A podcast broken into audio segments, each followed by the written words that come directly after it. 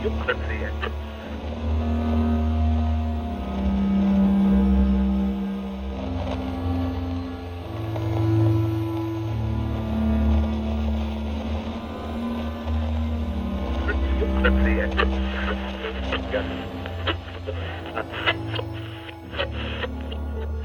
och välkommen tillbaka till Mysterypodden.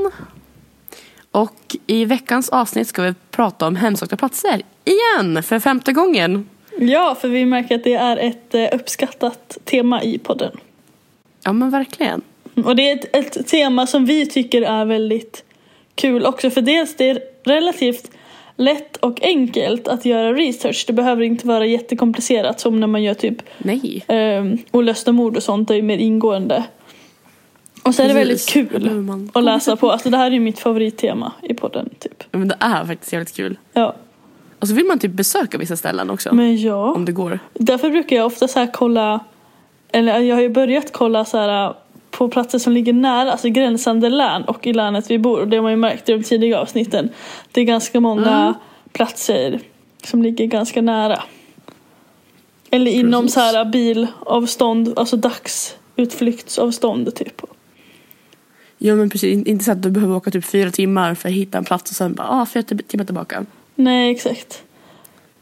Max två så att behöver vara borta fyra totalt. Ja men precis, att det är liksom, att man kan åka över en dag hade varit bra. Ja, nej men precis. Inte så här Östersund och sen tillbaka samma dag. Men det här avsnittet har jag faktiskt vidgat mina vyer då ett utav mina ställen är i USA. Mm. Jag förut har det alltid varit du som varit utanför Sverige och jag har alltid tagit så här i Sverige liksom. Ja men precis. Men Nu var det det tvärtom typ. för du har tagit bara i Sverige och jag vidgade mina vyer. Ja det gjorde du. The tables have turned. Verkligen. Ska du ta din första då? Ja men det kan jag göra. Och då ska vi åka lite söderut i landet. Eller ja, det beror på vart man är i landet när man lyssnar. Men eh, jag tänkte Kalmar. Ja men det är ändå relativt söderut skulle jag säga. ja. Det är på östkusten. Det är bara om man, ja, om man bor i Skåne då så är det ju norrut men annars så. Ja, precis. Det ligger ju i Småland. Kalmar. Vilket man glömmer bort. Men Ja ja, det glömmer man verkligen bort. Ja, men eh, det första jag faktiskt hittade var faktiskt ett eh, program på P3. Mhm. Faktiskt. Mm. Och eh, det var på um, Morgonpasset. Som de sände den 29 oktober 2010. Det är Oj. ett ganska kort klipp, eller vad man säger, ljud. Eh, och då är det ju en reporter som heter Hanna Hellqvist. Eh, som rappo- rapporterar tillbaka till studion där programledarna frågar hur det går. För hon är tydligen uppe i ton i, på Kalmar slott. Mm. Eh, och det här, är, det här är ganska tidigt på morgonen i oktober, så det är ganska mörkt. Och eh, det här tornet kallas för Trollpacketornet. Och det ska ha använts för att hålla kvinnor fångna under häxprocessen. Eh, det man först hade som fakta var att det var liksom rykten, men efter en rekonstruktion så hittade man brev i ett av takbalkarna. Som var det enda, det enda skriftliga beviset på att kvinnor har, har, eller har hållits fångna där. Eh, och under sändningen här så berättar ju hon den här Hanna som är där att hon känner en olustig känsla och obehag. Och hon beskriver att det är mörkt i rummet och eh, det endast är små fönster. Så det blir inte så mycket ljusinsläpp. Mm. Och då plötsligt i sändningen så försvinner hon. Det liksom brusar till. Och de får liksom inte kontakt med henne. Eh, så att tekniken funkar liksom inte. Och eh, de, tar, de andra två programledarna har ganska två olika åsikter. Den ena låtsas vara ett spöke under det här bruset. Eh, och säger så här, åh det är jag från den andra sidan. Men så här, skojar liksom, lite, lite, gör lite satir om saken. Medan den andra, hon blir typ fascinerad och bara för tydligen så hade de pratat med en som jobbade på slottet som heter Niklas. Och han berättade att eh, de här så kallade spökena inte tycker om tekniken och ofta eh, står för att det vill göra störningar. Så kanske var det, det de som orsakade störningen i den här sändningen. Men gud vad Jag kan faktiskt klippa spännande. med jag, jag kan klippa med den här delen när det liksom börjar brusa. Alltså det, de var tvungna att ringa upp på telefonen för att de fick inte tag på dem via, alltså via sändningen annars. Ja men gör typ det. jätterädd. Klipp med det, fan Ja. vad kul. Jag kan länka till också om du vill höra. Det var ganska intressant. Jag har länkat till mig sen. Alltså känner du av det där Hanna på riktigt nu? Att det känns liksom tryckande och läskigt i det där tornet? Jag tycker det är tryckande och läskigt för att det är så himla mörkt och de här, det är jättesmå fönster i dem i, i Nej. Är det sant? Sluta! Sluta med mig nu, sluta. Lägg av. Hallå? Det, det strular med tekniken. Ni försvann och kom tillbaka. Det spökar! Jo. Ghost in the Nu är de borta machine. igen. Ja, fan vad härligt. Tack Kalmar spöken för att ni bevisar Ja, att men det finns. tekniken, Åh, alltså. nu Ja, är de nu- den gröna salen och då har allting slutat funka. Alltså, Hallå? Ja, nej, ja. hör, hör du mig nu?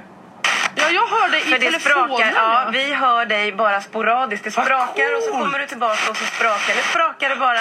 Åh, säg någonting, säg någonting. I double dare you Hallå? motherfuckers. Ja, det här är ju jätteintressant. Nej, men hörru, jag, jag ska försöka ta mig ner från den här. Nej, men hörru. Jag, jag kommer tillbaks nu. Jag vill inte vara här längre. Nej, nej, kom, Hallå? kom tillbaka! Kom tillbaka! Jag kommer tillbaka. Ja, kom tillbaka. Ja, hej. Fy fan vad sjukt. Det var det han sa, Niklas. Han bara, det, teknik funkar inte i slottet. Spökena Oh, gillar inte det. hallå? Det sprakar. Ja. Åk hem! Och Hallå? Abort! Abort! Abort! Ja, abort! Kom tillbaka! Jag kommer. Ja. Mm, det, var, det var på riktigt alltså. Det var på riktigt coolt. alltså. Vi har inte gjort någonting. vi har Nej, vittnen nej. Ja. som i och för sig inte skulle veta även om vi gjorde någonting. Nej, vi, vet inte vad som egentligen pågick där på Kalmar slott. Men det var ju coolt. exakt det här Niklas sa. Att Perfekt. teknik funkar inte riktigt där. Det sprakar bara. Perfekt. Det var precis det här jag ville. Jag skulle gärna vilja ta något så här meddelande från andra sidan. Kanske typ. Yes. Men om vi tittar över den andra delen av slottet då. Eller slottet i generellt. Så har ja, den har en gammal historia eftersom att den har aningar sedan ja, 1100-talet. Sägs det i alla fall. Ja, men slottet har ju en rik historia. Bland annat Kalmarsunionen om du känner igen det. Bland Ja. annat. Nej, så den har ju, har ju en rik historia. Och det har ju också bidragit med sägner och spöken. Så det är allt från vålnader som sägs spöka i källarvalven då det har fungerat som en fängelse. Eh, och dessa stackare går igen efter deras öden där nere. För under medeltiden var brutala tider. Inte var man skonsamma med fångarna heller. Bara ett toalettbesök var i becksvart mörker. Oj. Detta ledde också att under 1600-talet så drunknar fångarna i Slottsbrunnen. Och avrättningsmetoderna var fruktansvärda. Man lät fångarna avrättas genom att krossa deras armar och ben för att sedan fläta in dem i ett vagnshjul. Så du hör ju, det är ganska brutalt. Oj jäklar. Ja. Eh, och inte heller är det svårt att förstå att eh, en fångvaktare sägs också gå i, alltså spöka där igen. Och man tror att han led då av samveteskval över fångarnas li- lidande. Det berättas också att en liten pojke som sägs vandra och leta efter något att leka med i slottets ståthållarvåning. Och på ståthållarvåningen sägs det också en, att det finns en dam som heter Anna Belke. Hon var ståthållarfru när hon levde, men efter hennes död blev hon den vita, vita damen på slottet. Hon sägs bära en lykta och stå vid fönstren för att locka in fartyg tills det går på grund i Kalmarsund. Slottet ligger då precis vid vattnet och har en gång i tiden varit en hamn. På slottet har man också hört kvinnoskrik. Det sägs vara ett skärande skrik som upplevs obehagligt. Man tror skriken tillhör en fru till en viss Bo Jonsson Grip. Vad skriken beror på vet man inte, men eh, kan det vara hennes man som ligger bakom dem? Och det var typ allt jag hittade just om Kalmar slott. Men gud, det lät ju jättespännande. De hade till och med, när jag sökte typ så här, ja, men typ spöken på Kalmar slott, det fanns till och med en, en typ eh, banvandring som hette typ så här, spöken finns inte. Så, ja, jag bara okej. Men gud. Men jag tänker så här, fan, det var inte så mycket alltså, speciellt annars så tyckte jag. Nej. Det var det gamla vanliga liksom vita damen Ja. och sånt där liksom. Ja, typ. Ja, det var lite spännande. Ja. Vad har du för gott att bjuda på då? Då tänkte jag börja med Nyhammars Folkets hus. Eh, och det ligger strax utanför Ludvika. Och är Ja. Ja. men cirka 100 år gammal byggnad. Eh, som då har varit en samlingsplats för bygdens folk och så vidare. Och så vidare och så vidare. Och eh, i husets gillestuga så har Ja. liksom någon blivit nypt i nacken. Eh, och ibland ställer sig en mystisk kraft mitt i dörröppningen och försöker liksom stoppa folk från att passera, sägs det. Och ibland är den här kraften så stark att man har fått en, alltså ta en annan väg in eller ut från rummet för man kommer liksom inte in genom den här dörröppningen. Eller ut. Det kan vara att man inte kommer ut heller. Nej, precis. Även så mystiska knackningar har, har uppmärksammats. Men kanske mest är, alltså anmärkningsvärd är den fysiska kontakt som vissa besökare har fått känna av. Och det är någon under gång på 70-talet så arbetade en vaktmästare i huset. Och en gång när han skulle lämna huset så hände någonting som han inte riktigt kan förklara. Han skulle passera igenom dörrarna till farstun och ut genom ytterdörren. Så det är liksom en dörr, sen kommer farstu och sen en till dörr. Eh, och precis när han låst ytterdörren så hör han tre alltså, höga knackningar från dörren, liksom från baksidan av dörren. Så han låser liksom upp igen och går in och kollar om det är någon kvar. Men det är helt tomt. Samma har hänt med en städerska. Eh, fast nere i källaren så var hon städade i ett av omklädningsrummen. Och då hörde hon plötsligt också tre knackningar på baksidan av en dörr. Men där knackningarna kom ifrån så är det liksom, det är husets arkiv kallades det. Och det Ja. var ingen där inne då. Hon öppnade också och kollade. Den mest aktiva platsen i huset ligger i anslutning till entrén. Och där ligger en trapp upp till övervåningen i vilken många har känt ett starkt obehag eller upplevt känslan av oförklarlig aktivitet. Upp, uppe på övre parkett i salongen har en ensam man sett sitta och titta ner på scenen. Eh, när en liten flicka och hennes mamma är ensamma i salongen så vinkar flickan till någon uppe på parketten. När mamman frågar vem dottern vinkar till svarar hon till mannen som sitter där uppe, men det var helt tomt. Fy. Alltså det är min största fobi när jag får barn. Ja, men typ. Åh. Märkliga Ja. saker händer också vid draperiet på scenen i salongen. En vaktmästare har rapporterat att han, att han står vid draperiet och känner hur någon sparkar på honom, alltså på foten, genom draperiet. Alltså från alltså bak, den som sparkar då ska stå bakom draperiet och han står framför draperiet. Men han är ensam uppe på scen. Och några andra, eller nej, inte andra, några Andra. andra som känt av detta fenomen är Sveriges främsta paranormala utredningsteam, LaxTon. När de besökte byggnaden. Mm. Så det är också så här, det är inte jättemycket som alltså, händer. Men det är det här typiska och lite mystiska att så här, ja, man ska se någon och man hör och det är liksom energier och det är liksom knackningar och sånt där. Obehag och Ja men precis, och någon, någon gestalt och någon spark och något sånt där. Alltså det är liksom,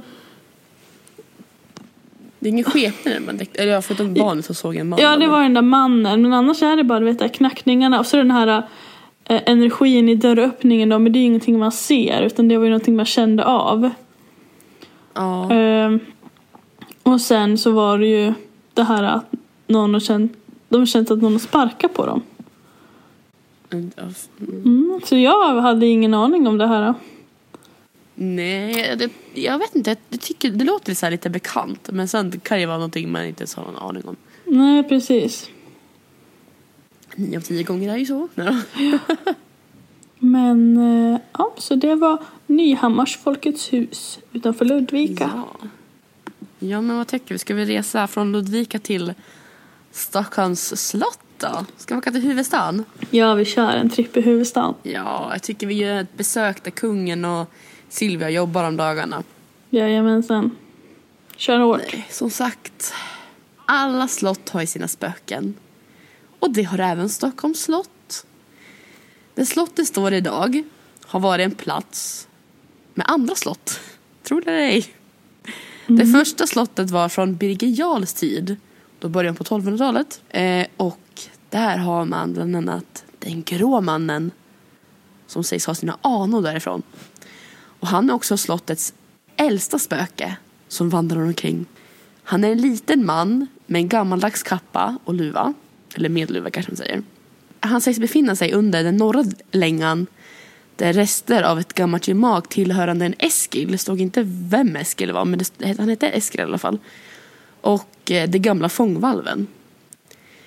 Och eh, det sägs att alla kungar har sett den grå mannen. Men gissa vilken kung som inte har sett den grå mannen? Gustav Vasa. Nej, Jag vet inte. vår nuvarande kung. Alltså Carl Gustav den 16.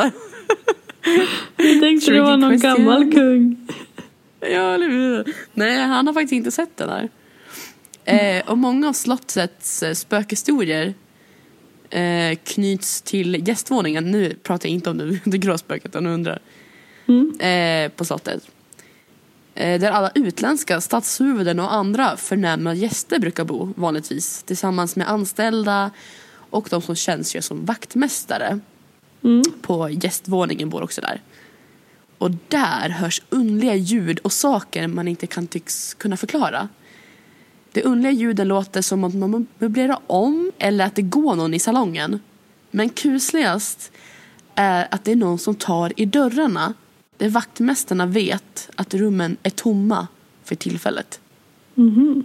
Ja, men jag kan också eh, lägga till, jag skrev inte ner det här, med en, eh, en före detta drottningen Juliana från Nederländerna. Ja. Hon blev, så, hon blev så störd av något oljud som var oförklarligt att hon checkade in på hotell än att sova kvar där på gästvåningen. Men gud. Ja, så det säger väl sig en sak. Ja, verkligen. Men nu tycker vi går till det kändaste spöket. Mm.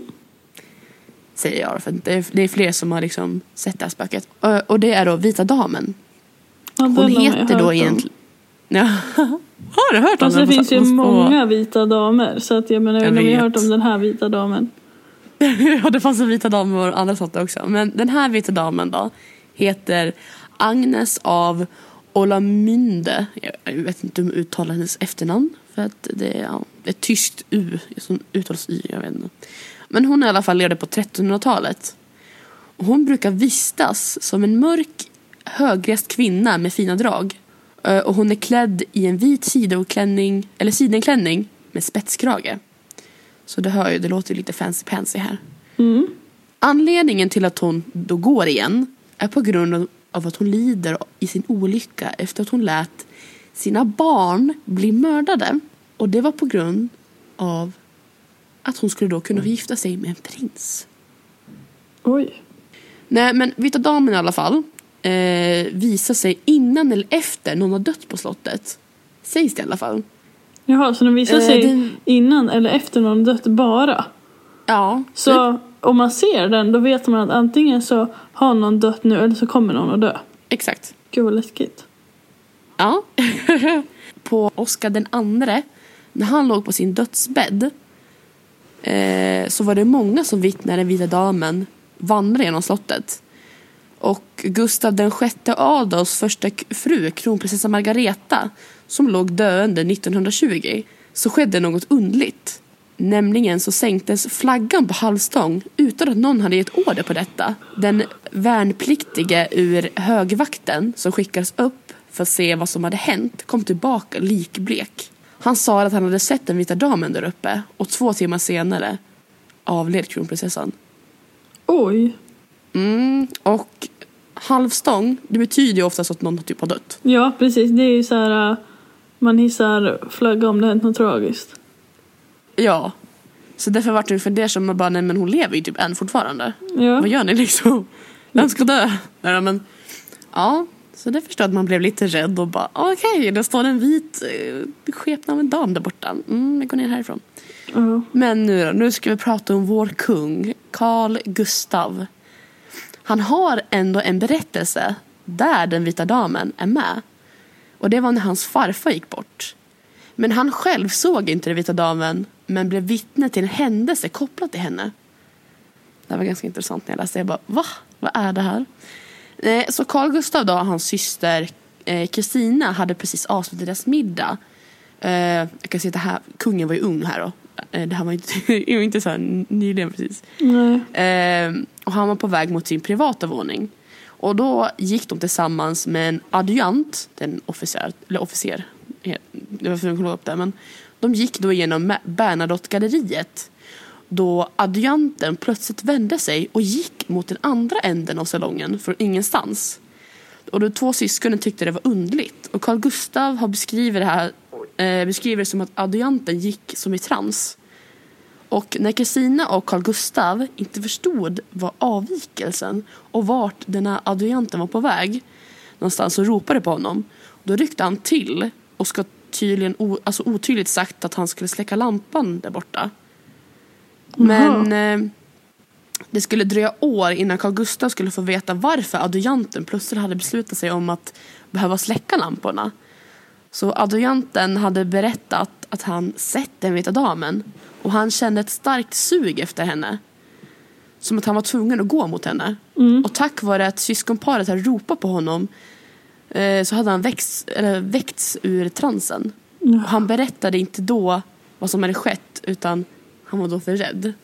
Och det här var också när, när alltså vår kungs farfar dog så det var därför hon visste sig liksom. Ja. Men alltså nu måste jag bara berätta en sak som alltså, det låter lite, alltså, lite roligt men de var ju faktiskt rädda. Det här. Eh, De trodde det var ett spöke men det var det ju inte det. Men, Nej. ehm, och det här var en grej som hände Silvia när hon väntade kronprinsessan Victoria. Ja. Och det fanns en naturlig förklaring bakom det men det skrämde i alla fall alla som var inblandade i förloppet. Ja, men drottningen hade hört o- eller underliga ljud från slottsvinden och blev rädd och kontaktade Nanne B- Björnberg eh, som då levde och var kungens gamla barnsköterska. Okej. Eh, och det tillsammans hade nya dunsar. Och då ringde man till högvakten som kom in med en officer och två värnpliktiga som marscherade in i rummet och dessutom hade båda, eller alla tre hade de vapen med sig. Och alla i rummet fortsatte att höra lj- oljud på vinden.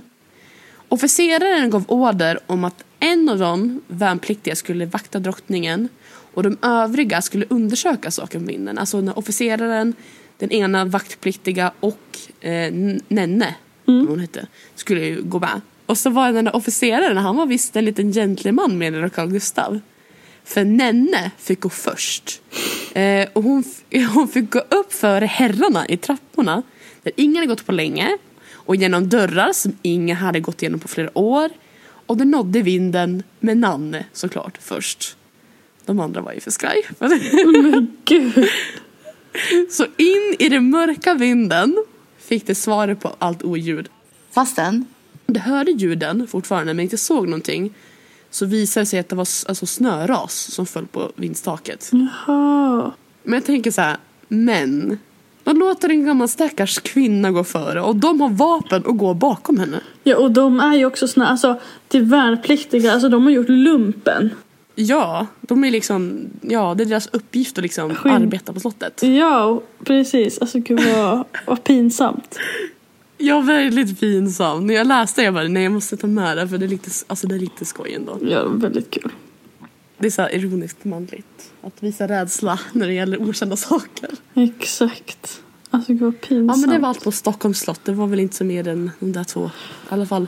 Men då tar vi väl och reser oss tillbaka till Dalarna. Men Nämen. den här gången till Falun och Rankhyttans herrgård. Oh! Och Rankhyttans herrgård huserar flera spöken. Man har hört hasande och släpande ljud nere i källarvalven. Kalla vindar kommer svepande genom rummen. Och saker och ting, och de flyttar på sig utan förklaring. Rankhyttans herrgård är byggd på, en grås, på ett gråstensvalv från medeltiden eh, och ägdes under första halvan av 1500-talet av bergsmannen Anders Persson.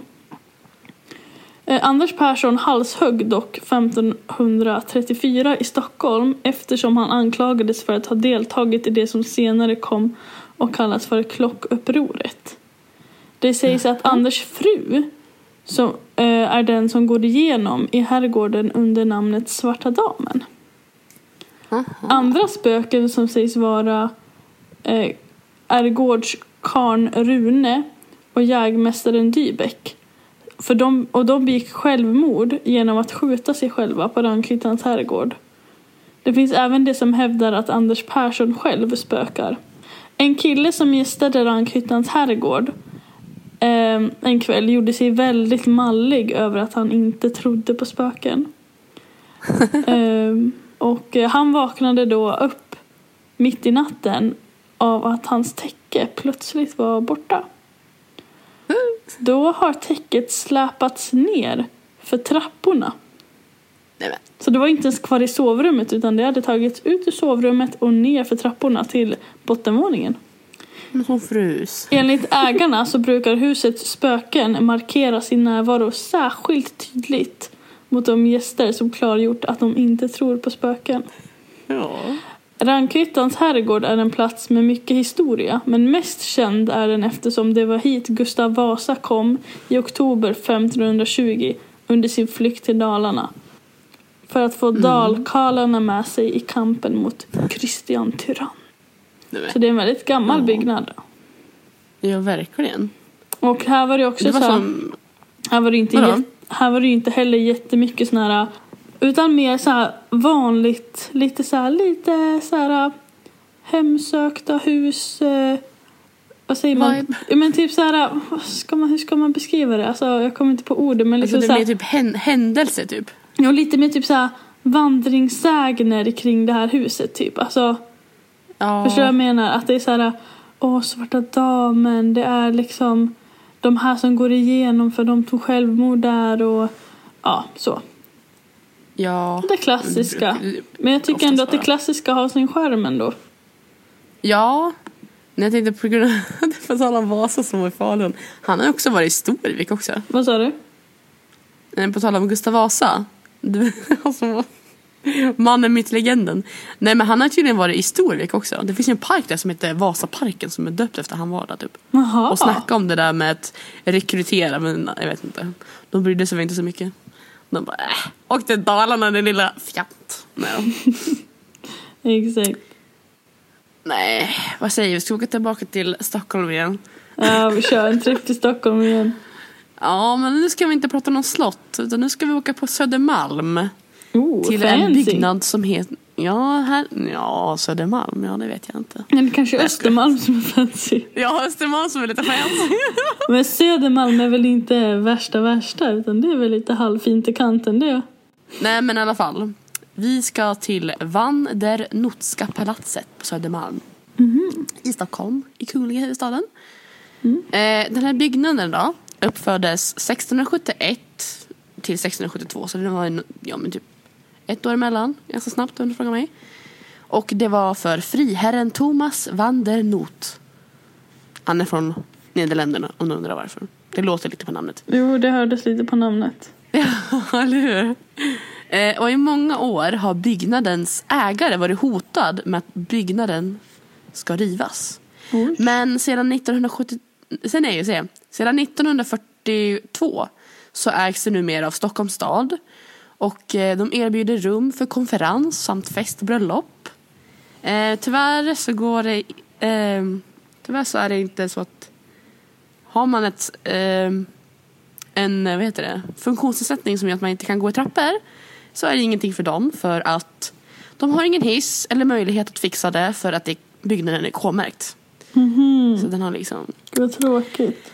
Ja. men i alla fall, den här byggnaden har också sina spöken och sina spökhistorier. När personalen byter om i omklädningsrummet på övervåningen så kan det ibland höra hur möblerna på nedervåningen knuffas runt. Oj. Fastän det är med säkerhet att ingen är där. Dun, dun, dun. Historien som satte igång det hela handlar om en servitris som gick in för att duka i silverkammaren. Alltså det är ett, typ som ett eh, vad heter det? middagsbordsrum. Eller vad heter, mid, mid, middagsrum, vad heter det? Typ såhär salong eller matsal typ. Ja men exakt, så ligger bakom ett eh, bibliotek. Okej. Eh, I Vandernotska palatset. Mm. Jag vet inte varför jag skrev det men ja. Eh, och hennes händer då var fulla med porslin för hon skulle duka där inne. Och när hon närmade sig dörren eh, samtidigt hon fu- funderade på hur hon skulle öppna den utan att behöva typ lägga ner, öppna eller typ tappa allt. Mm. Men Då, när hon kommer upp fram dit, så öppnas den dörren framför henne ljudlöst. Och hon gick in och vände på huvudet och nickade ett tack till personen som öppnade åt henne. Men till hennes stora förvåning fanns det ingen där. Oj. Så det var som öppnade dörren åt henne. Men eftersom hon inte upplevde känslan i rummet som hotfullt fortsatte hon att duka och tända ljus. Men hon tyckte att det kändes som att någon stod där och stirrade på henne. Eh, det var som att man blev iakttagen. Eh, bara av nyfikenhet. Men hon ville... Men det ville inte henne illa. Men det hon tyckte ändå kändes otrevligt. Så var det lite så här fram och tillbaka. Eh, men efter middag, när gästerna hade lämnat lokalen, svimmade hon i biblioteket. Eh, Svimmade hon? Och då på över... Ja, hon svimmade. Oj. I övertygelsen om att det var ett spöke. Och då blev det för mycket. Ja, det, var, det var dramatiskt, du vet. Det- Mm. Jag vet inte vilket år det här var. Det kan vara 1800, 1700, you name it. Ja. Ehm, ja. Historien blev snabbt en snackis i huset. Eh, och för att sprida vidare på detta eh, eller spinna vidare på detta tänkte kockarna i köket skrämma de, de här flickorna som jobbade. För att då skulle de gömma sig inne i silverkammaren. Och efter en stund eh, så, ja, efter en stunds väntande så hörde de fotsteg. Och då tänkte de, ja ah, nu kommer de. Så då när de gjorde sig beredd då hoppade hon fram och skrikte "Bu!" Ja men du vet skrämmer. Med utsträckta armar. Men rummet framför dem var tomt. Och kvar stod då ett par, par förbluffade kockar. Och vad som orsakade fotstegen, som de allihopa hade hört, förblir ett mysterium. Oh. Och sen då, vem, vem det är som spökar vet man inte. Kanske något mer långsökt historia. Låter... Eh, ja, en, det här är en berättelse om någon som heter Mulsina som var en, en kvinna enligt fransk folksaga som, som utsattes för en förbannelse. De förvandlas till en sjöjungfru. För att på fasaden, eh, Vandernoska palatset, kan man längst upp hitta två sjöjungfrur som är utsmyckade på byggnaden. Eh, vilket har att syfta på husägaren Thomas van der Nots förflutna eftersom att han var en sjöfarare från Nederländerna som jag sa tidigare. Kanske var det någon som hört talats om spökhistorierna och därefter gjort en tolkning. Ingen aning, ingen vet. Det är bara teorier. En annan teori är att fru eh, Jansson är det som går igen. Hon var gift med juvelaren Jo- eller Jean Jansson som ägde Vandernoska palatset kring sekelskiftet. Och Jean hade, eller Jean, jag vet inte hur man uttalar det, det är svennebanan, det är ingen fransman där. Eh, hade flera kvinnoaffärer. Vilket gissningsvis skulle kunna vara orsak till att hon spökar i Jämsle över hans otrohet. Oj. Det var mer typ händelser, alltså konstigheter, men ingen liksom person. Det är ingen som har sett någon liksom. Nej. Det är mer också så här lite sägner liksom. Ja, och sen typ lite teorier. Det är liksom inget så här, ja. Men det tycker jag har sin charm. Det är liksom något mystiskt i det. Ja, och sen kommer jag dit och så säger de så här, ah, här var det en serv- en servitris, den har hon öppnat dörren för. Liksom sådana saker. För det är också så här, alltså. Det är ju så länge sedan. Så det är inte så att det är en servitris som jobbar där för ett år sedan. Så att någon har kunnat frågat.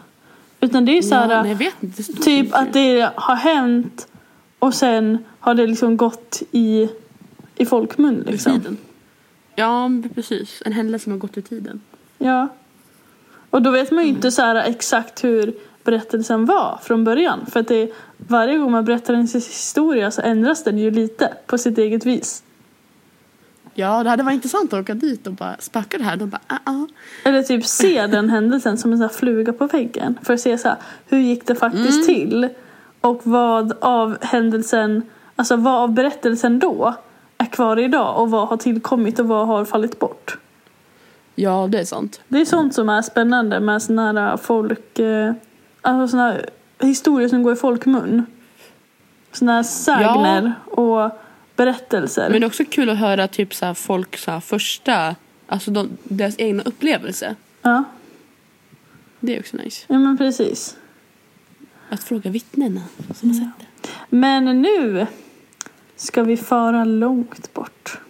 Nu ska vi åka till Amerika. Vi ska till USA, United States of America. Vi ska till Pennsylvania. Pennsylvania. Men more specifikt då, då Philadelphia. Och eh, Eastern State Penitentiary. Eller hur man säger det. Jag har inte, jag har inte velat. Men det är i alla fall ett gammalt nedlagt amerikanskt fängelse. Och eh, fängelset ligger i Phil- Philadelphia och var igång mellan åren nitt- eller 1829 till 1971. Så det var igång en ganska lång tid. Ja. Och det här fängelset var det första fängelset i USA som var byggt efter systemet kring eh, cellstraff. Vilket hade principen kring isolering istället för bestraffning. Philadelphia-systemet, som det här också kommer kallades, är en modell för verkställande av fängelsestraff som utvecklades runt 1800-talet. Och fångarna isolerades under så kallade cellstraff. Då då. Och det här kom inte till Sverige förrän på 1840-talet. Och isolering, det är en typ av inventering av en fånge då den hålls avskild från andra fångar i fängelset. Och detta kan då förekomma av olika skäl. Och studier har visat att inga andra former av så här frihetsberövande skapar så mycket psykologiskt trauma med så många symptom på så här psykisk ohälsa och psykisk sjukdom som isolering gör. Och isoleringen på det här Eastern State Penitentiary så alltså på papper så var fängelset väldigt påkostat. När det öppnade 1829 så hade det här fängelset fler bekvämligheter än Vita huset. Varje fånge hade, och det här är 1829, en egen cell med värme, rinnande vatten och en toalett man kunde spola. Och det var 1829. Målet med det här då, med att alla hade en egen cell och egen toalett och sådär. Det var ju för att tvinga fångarna att isolera sig så att de, inte kunde, så att de kunde reflektera över det brott de begått och känna ånger. Man trodde att all onödig kontakt skulle sakta ner rehabiliteringsprocessen. Och för att försäkra sig om att det inte skulle hända skapades det masker som fångarna fick ha över sitt huvud så att de varken kunde se eller kommunicera med andra fångar. Deras dörrar var utrustade med en matlucka så att de kunde äta sina tre måltider i total isolering. Fängelsevakterna hade tyg runt sina skor så att fångarna inte ens kunde höra deras fotsteg. Fångarna fick inte prata. De satt i helt tystnad majoriteten av dagen. Enda boken de fick läsa var Bibeln. Och enda ljusinsläpp de hade var från ett takfönster. Brev från nära och kära samt besökare var helt förbjudet. Och om fångarna försökte viska till varandra eller göra ljud genom att slå mot väggen eller slå mot rör så fick de stora konsekvenser. I form av bestraffning. Och det fanns då olika typer av bestraffning på det här Eastern State Penitentiary. Och den första kallades The Iron Gag. Jag har inte brytt mig om att översätta de här namnen på dem men det är kan säga så här, låt oss säga att du var en fånge på det här ESP. Ehm, och efter några månader så känner du att så här, jag klarar verkligen inte att vara tyst längre. Det var exakt så en fånge som hette Mattias McCurmsey kände 1833. Då Ja. han försökte prata med hans cellgranne. Och när vakterna upptäckte det satte de på honom the iron gag. För att göra detta band de hans händer med kedjor bakom hans rygg. De satte in the iron gag, vilket var som en slags, alltså det var som en metallbåge. Ja. Ehm, inte speciellt stor, men kanske typ som två fingrar bred. Och så gick den som en båge, så att den gick väl typ från mitten av kinden till andra mitten av kinden. Och så på mitten av den så var det som en det var en bild på den där så det såg ut som en sån här metall eh, tunga typ som gick inåt som man har inne i munnen. Fattade jag det som. Jag såg ju bara en bild på hur den såg ut. Jo, jag sökte upp på det och det, ja. Mm. Att det ser liksom ut som en metalltunga som sticker ut som går liksom in i munnen. Jag antar att typ det är svårt att se. In i munnen liksom. Ja men det är svårt att se om det här så att tungan hamnar i den här metalltungan. Att det är som ett fack för den. Eller om det bara är någonting som ligger inne i tungan. Jag tror det liksom ligger liksom äh, in i munnen liksom. Mm. Men i alla fall. Eh, den fördes då in i munnen. Eh, och Ja. så satte man liksom fast den. Man kedjade fast den runt ansiktet. Men sen kedjade man också fast den i de här kedjorna som hade bakom ry- ryggen. Jag vet inte exakt hur för det framgår inte men det var så de kedjade fast det. Och så lämnade de honom. En timme senare när de kom tillbaka då hittades han död i sin cell. Gud. Och då undrar man så här, vad hände? Jo, det sägs att den här uh, The Iron Gag hade slitit upp hans tunga eller gjort ett veck i den. Det var lite oklart. Så att han hade förblött. Den hade i alla fall skärt i tungan. Jag kan ju tänka sig hur ont det måste ha gjort. Det är därför jag var osäker på om det var som ett fack för tungan eller om den bara var att den var vass typ. Ja, det måste ha typ varit vass och så kanske han ville sen st- streta emot och sen liksom bara Ja det kan ju också varit att han stretar emot mycket och skärt upp tungan liksom. Sen har vi the mad chair. Doktorer på den här tiden trodde psykisk ohälsa spred sig i kroppen genom blodcirkulationen.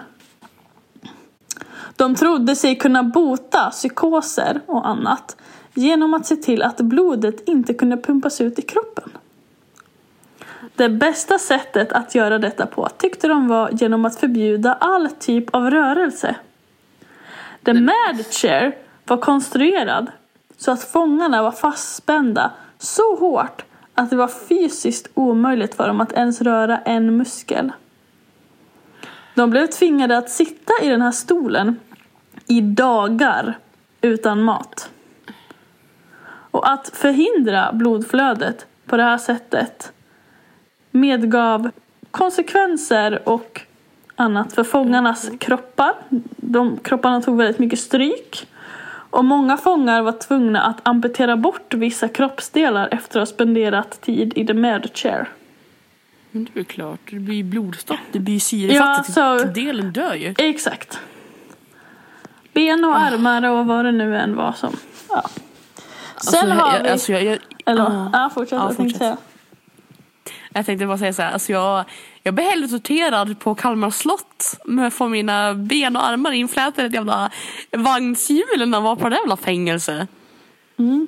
Sen har vi the water bath.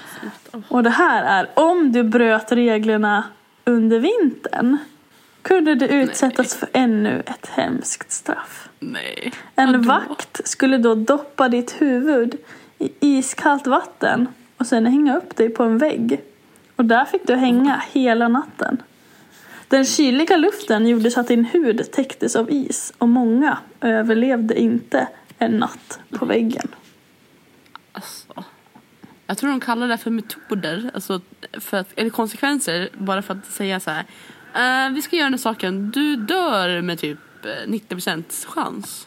Ja men det är också så här, många av de här fångarna satt ju här tills de dog. Det var få som liksom släpptes ut om man säger så. Ja.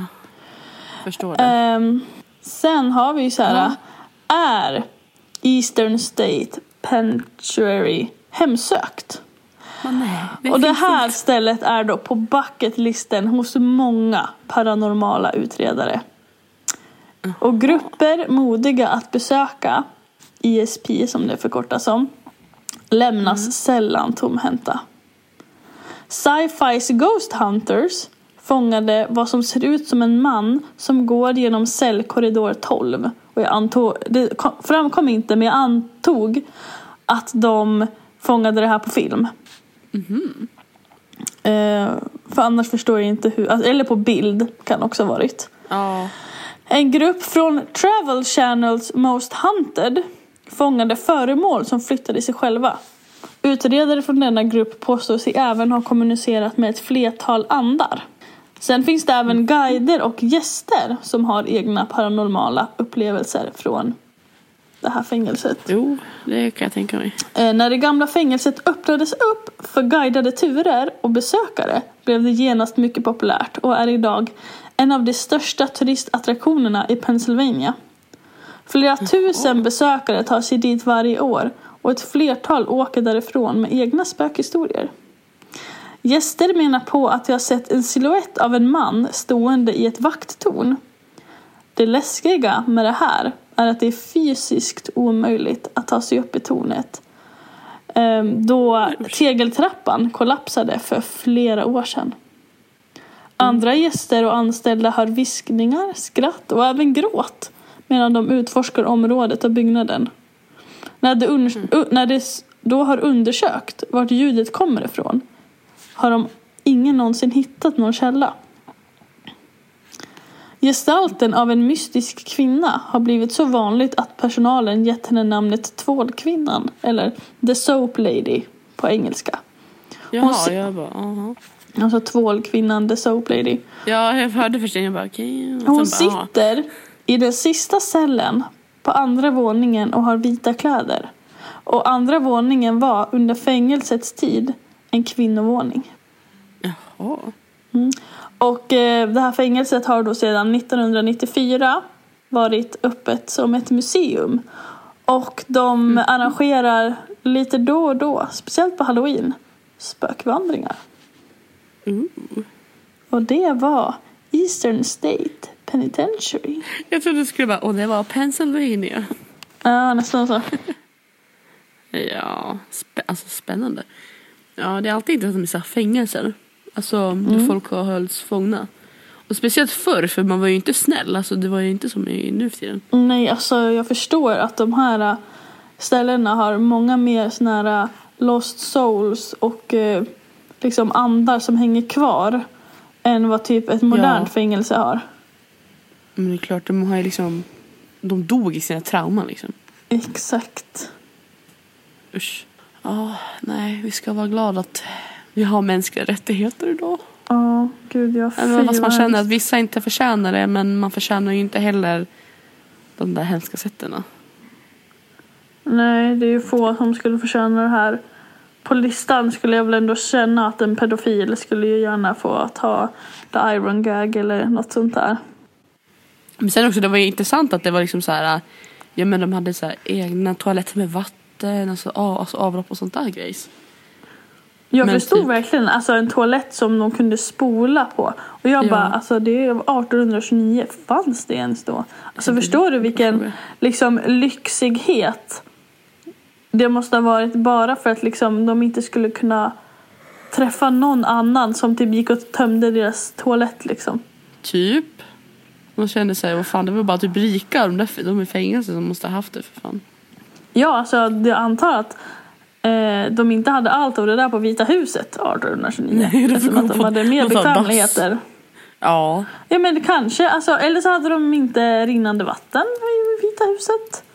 Jag antar att de Ja. hade rinnande vatten men kanske inte en spoltoalett. Och de hade liksom vär- värme. Liksom. Här, when was the flushable toilet invented? Jaha, in 1775, så 1775. Ja, men... det var nog inte så, så vanligt liksom. För om man tänker, Nej, alltså det var nog en väldigt, väldigt lyx att ha en spoltoalett ja, det kan då, jag tänka mig att det var lyx. Det var inte så långt Och nog de ifrån. rikaste rika hade nog spoltoalett 1829. Men det här Ja. var också, på den här tiden var det här den mest påkostade byggnaden i hela USA. Mhm. Så du förstår ju att Alltså- de liksom lagt ner tid och pengar för att liksom göra det så installerbart och modernt. Ja, utefter den här äh, metoden av fängelse, eller vad man säger. Ja. Den här cell, cellstraffet och isoleringen. De har ju verkligen Tänkte jag gjort det för det. Och det höll ändå, alltså det var ju igång länge. Från 1829 till 1770, nej till 1971. Och sen tror de ändrar väl någonstans däremellan metoderna. Men sen att det Ja liksom men, blev... alltså, ja men inte mycket stod det. Alltså de hade liksom fått, de fick alltså, eftersom att det var så påkostat Ja. så fick de ju, var det väldigt många som ville åka dit och titta direkt liksom. Och de fick ju, det dröjde inte lång tid innan de fick liksom kritik eller liksom ifrågasättanden på den här isoleringsmetoden. Ja. Och lite eftersom så vart ju de här metoderna liksom lättare. De här straffen var ju kanske inte kvar och man gjorde liksom inte precis som man gjorde i början. Ja. Men det var ju fortfarande det här att alla hade en cell som man kanske spenderade majoriteten av tiden med. Men man kanske inte hade de här maskerna på sig hela tiden. Och man kanske inte hade tyg på skorna och så. Nej. Men jag alltså, tror ju ändå att det var den här att man satt i sin cell och skulle fundera men kanske straffen och de här liksom överdrivna grejerna försvann. Ja, sen tror man ju det var mer forskning så jag tror inom, bara inom första hundra åren så var det helt annorlunda. Visst, det kanske Nej, inte var precis. humana alltså, miljöer som idag men det var liksom bättre än när de började typ. Ja men precis. Eller något, jag vet inte. Jag var inte där så jag kan inte säga men det jag var ju tänker. ändå igång. Om man tänker nitt- eh, 1830 till 1970, det är ju typ 150 år nästan.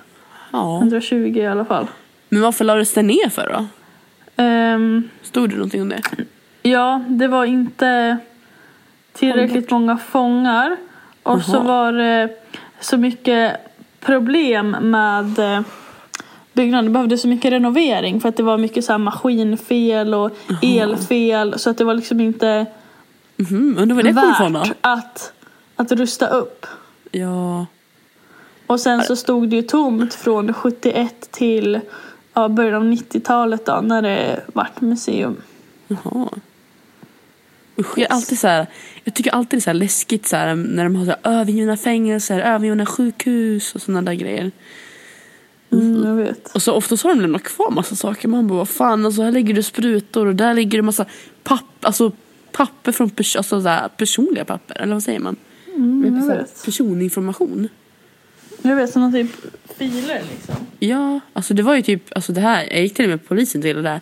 För det var ju någon som hade dumpat, dumpat en massa pärmar med olika filer.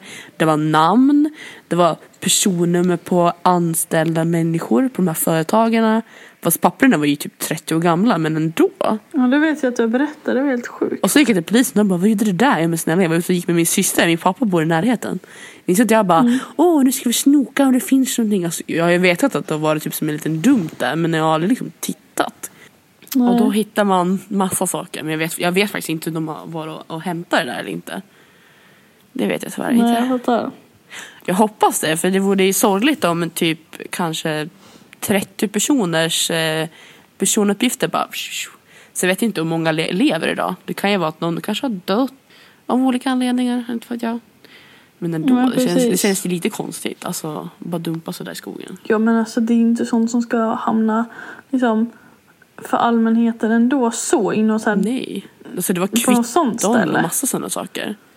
Utan alltså då är det ju sånt som man får gå till liksom ett ställe och begära få ut i så fall om man vill läsa dens personuppgifter typ. Ja, ja men precis. Inte bara dumpa i skogen bara hej, kom och titta. Nej, där ska det verkligen inte vara. Nej, nej faktiskt inte. Ja.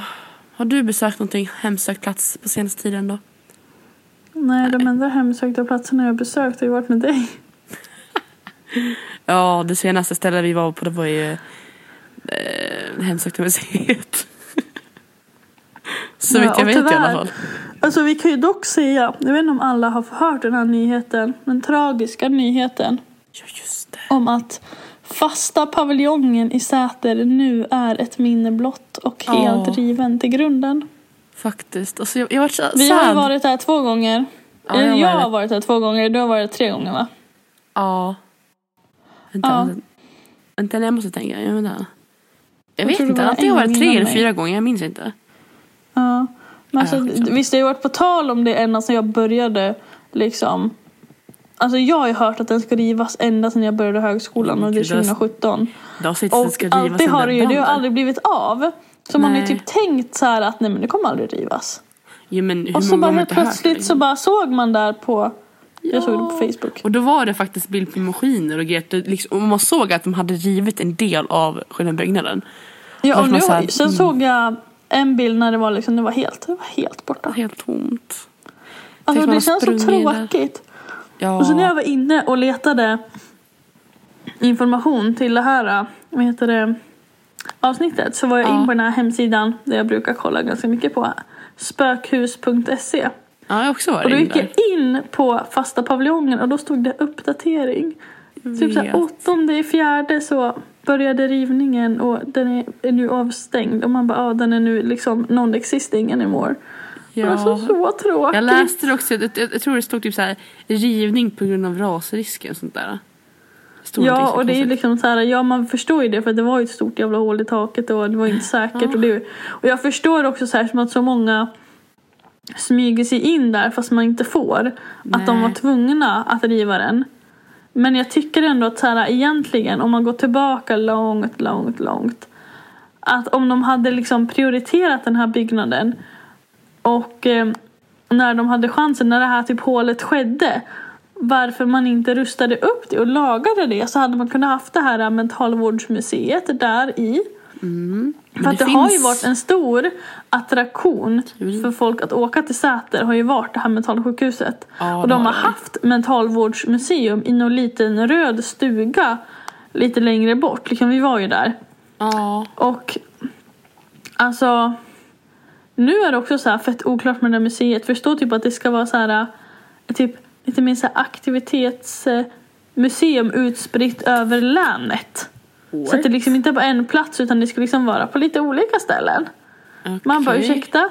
Alltså jag hade så mycket tyckt om om de hade rustat upp den här byggnaden på en gång och gjort den till det här mentalvårdsmuseet. Ja, men det fanns ju teorier om att man typ ville riva det men att det var men att på grund av att det var perso- alltså en pers- privatperson som ägde det så kunde man inte göra det. Och då typ Nej. sades typ att man eh, typ tände, alltså tände eld på vinden. Men eh, ja, oklart. Men jag har för mig att det typ blixten slog ner i huset. Jag har ingen aning men Jag gör inte heller, men jag vet att det, liksom, det brann. Det är det enda jag vet, men jag vet inte Ja. exakt hur. Jag tror att det finns många olika så här, Jo, det har teorier om vad som Men det, är liksom också hände. intressant, det är också intressant att de brinner på vinden men sen att inte elden spred sig. Alltså det är också lite konstigt. Ja, jag vet. Så, Men ja. det är också så här, alltså, tråkigt att det inte renoverades upp efter det. Så att i alla fall det här takhålet vart fixat. Så att, eh, för då hade nog grunden hållit sig mycket bättre också. faktiskt. Jag sa, så, jag sa så till mamma, jag, jag bara Åh, Elin skickar nu att eh, nu har, river de Säters, alltså mentalsjukhus fasta paviljongen då. Och så sa jag så här bara, alltså egentligen det är synd, alltså egentligen nu när de har rivit det, alltså det här, nu, det var ju rasrisk och det var så här gammalt, det var asbest och skit. Att nu borde man liksom, ja men ta bort det man har rivit och sen bygga upp ett nytt, fräscht. Ja. Fattar vad kul. För att det är ju ändå en bit historia som de har tagit bort. Ja, de har ju för fan Och speciellt om det här museet inte ens är liksom kvar i det här du vet, röda huset. Ja, Så är det ju verkligen att den biten historia är ju borta på något sätt. Alltså det känns bara som att så här, men det är ju en stor del en av bit Säter av liksom. Säter och en bit av Dalarnas historia är liksom borta. Ja, verkligen. Det hade ju varit så mycket bättre att bara renovera upp det där som, så att ha, ha kvar det här liksom, historiemärket och göra om det. För det hade varit perfekt att ha museum där, som de gjorde med det här äh, fängelset i USA. Alltså gör, gör om det till ett museum. Alltså det hade varit sån turistattraktion verkligen. Om man hade, och det hade varit lagligt att gå dit då och inte liksom olagligt. Ja, men man betalar en liten summa. Sen kanske de har utställningar, kanske har typ dockor i vissa rum. Så här såg det ut när de öppnade. Här såg det ut Ja. kanske på 50-talet och här innan de stängde typ. Ja, men precis, kan de ju ha sen en avdelning så här att de kanske mer så här att så här var det på Säter men under den här tiden så var det också mycket det här som man har lite generellt också att hur synen på psykisk ohälsa vad för metoder som användes alltså mer så här, man kanske har ett rum som var typ lobotomirum och då har man ganska mycket om så här lobotomi generellt alltså förstår du vad jag menar lite? Jag måste ha fakta om lobotomi. Vad är det? Ja och kanske så här Gjorde det typ mer skada än att det hjälpte? Alltså man liksom. Ja, och så kan man ju prata lite om så här, alltså det här, så här användes det på Säter och lite mer så, alltså så. Och sen också så här Ja. att en, här kom det till Sverige, här började det, här och skedde kanske typ här sista. listan typ vilka som jobbade. Alltså. Ja men alltså det finns så här, så mycket de hade kunnat gjort som hade varit så intressant och bra och en och så bara låter man det förfalla tills man lär riva det. Liksom. För man märker att intresset finns för att det är så många som åker dit och går in fast man ja. inte får. Alltså varje gång vi har varit dit har, jag allt, har man alltid träffat på människor. Ja, gud, jag vill alltid träffa på många människor. Jag kommer ihåg Eh, första att gången jag var nej. dit, då var det någon som fyllde år bara. De hade fått feeling på en typ hennes födelsedag och inte Säter. Jag bara okej. Ja, men alltså, det är också så här, jag skickade till min moster också när jag hade sett, eh, hon bor i Borlänge, Ja. eh, sett det här och bara ah, nu är Säter borta. Hon var ju också så här, alltså det är så tråkigt att de inte gjorde någonting med den byggnaden. Faktiskt. Jag bara ja, alltså det perfekta hade ju varit att göra det här museet där Hon bara ja, att de inte gjorde det. Jag kommer behöva, är så tråkigt. Jag bara ja, jag håller med. Ja, nej det är faktiskt lite sad. Ja, men med den tråkiga historien så får vi väl avrunda det här avsnittet. Ja, vi har på nu ett tag. Det blir ett långt avsnitt. Ja. Men eh, tack för att ni har lyssnat på Mysterypodden Ja. med mig Elin. Och Cornelia. Och så hörs vi nästa vecka i nästa avsnitt. Ja, det gör vi. Tack och hej, leverpastej.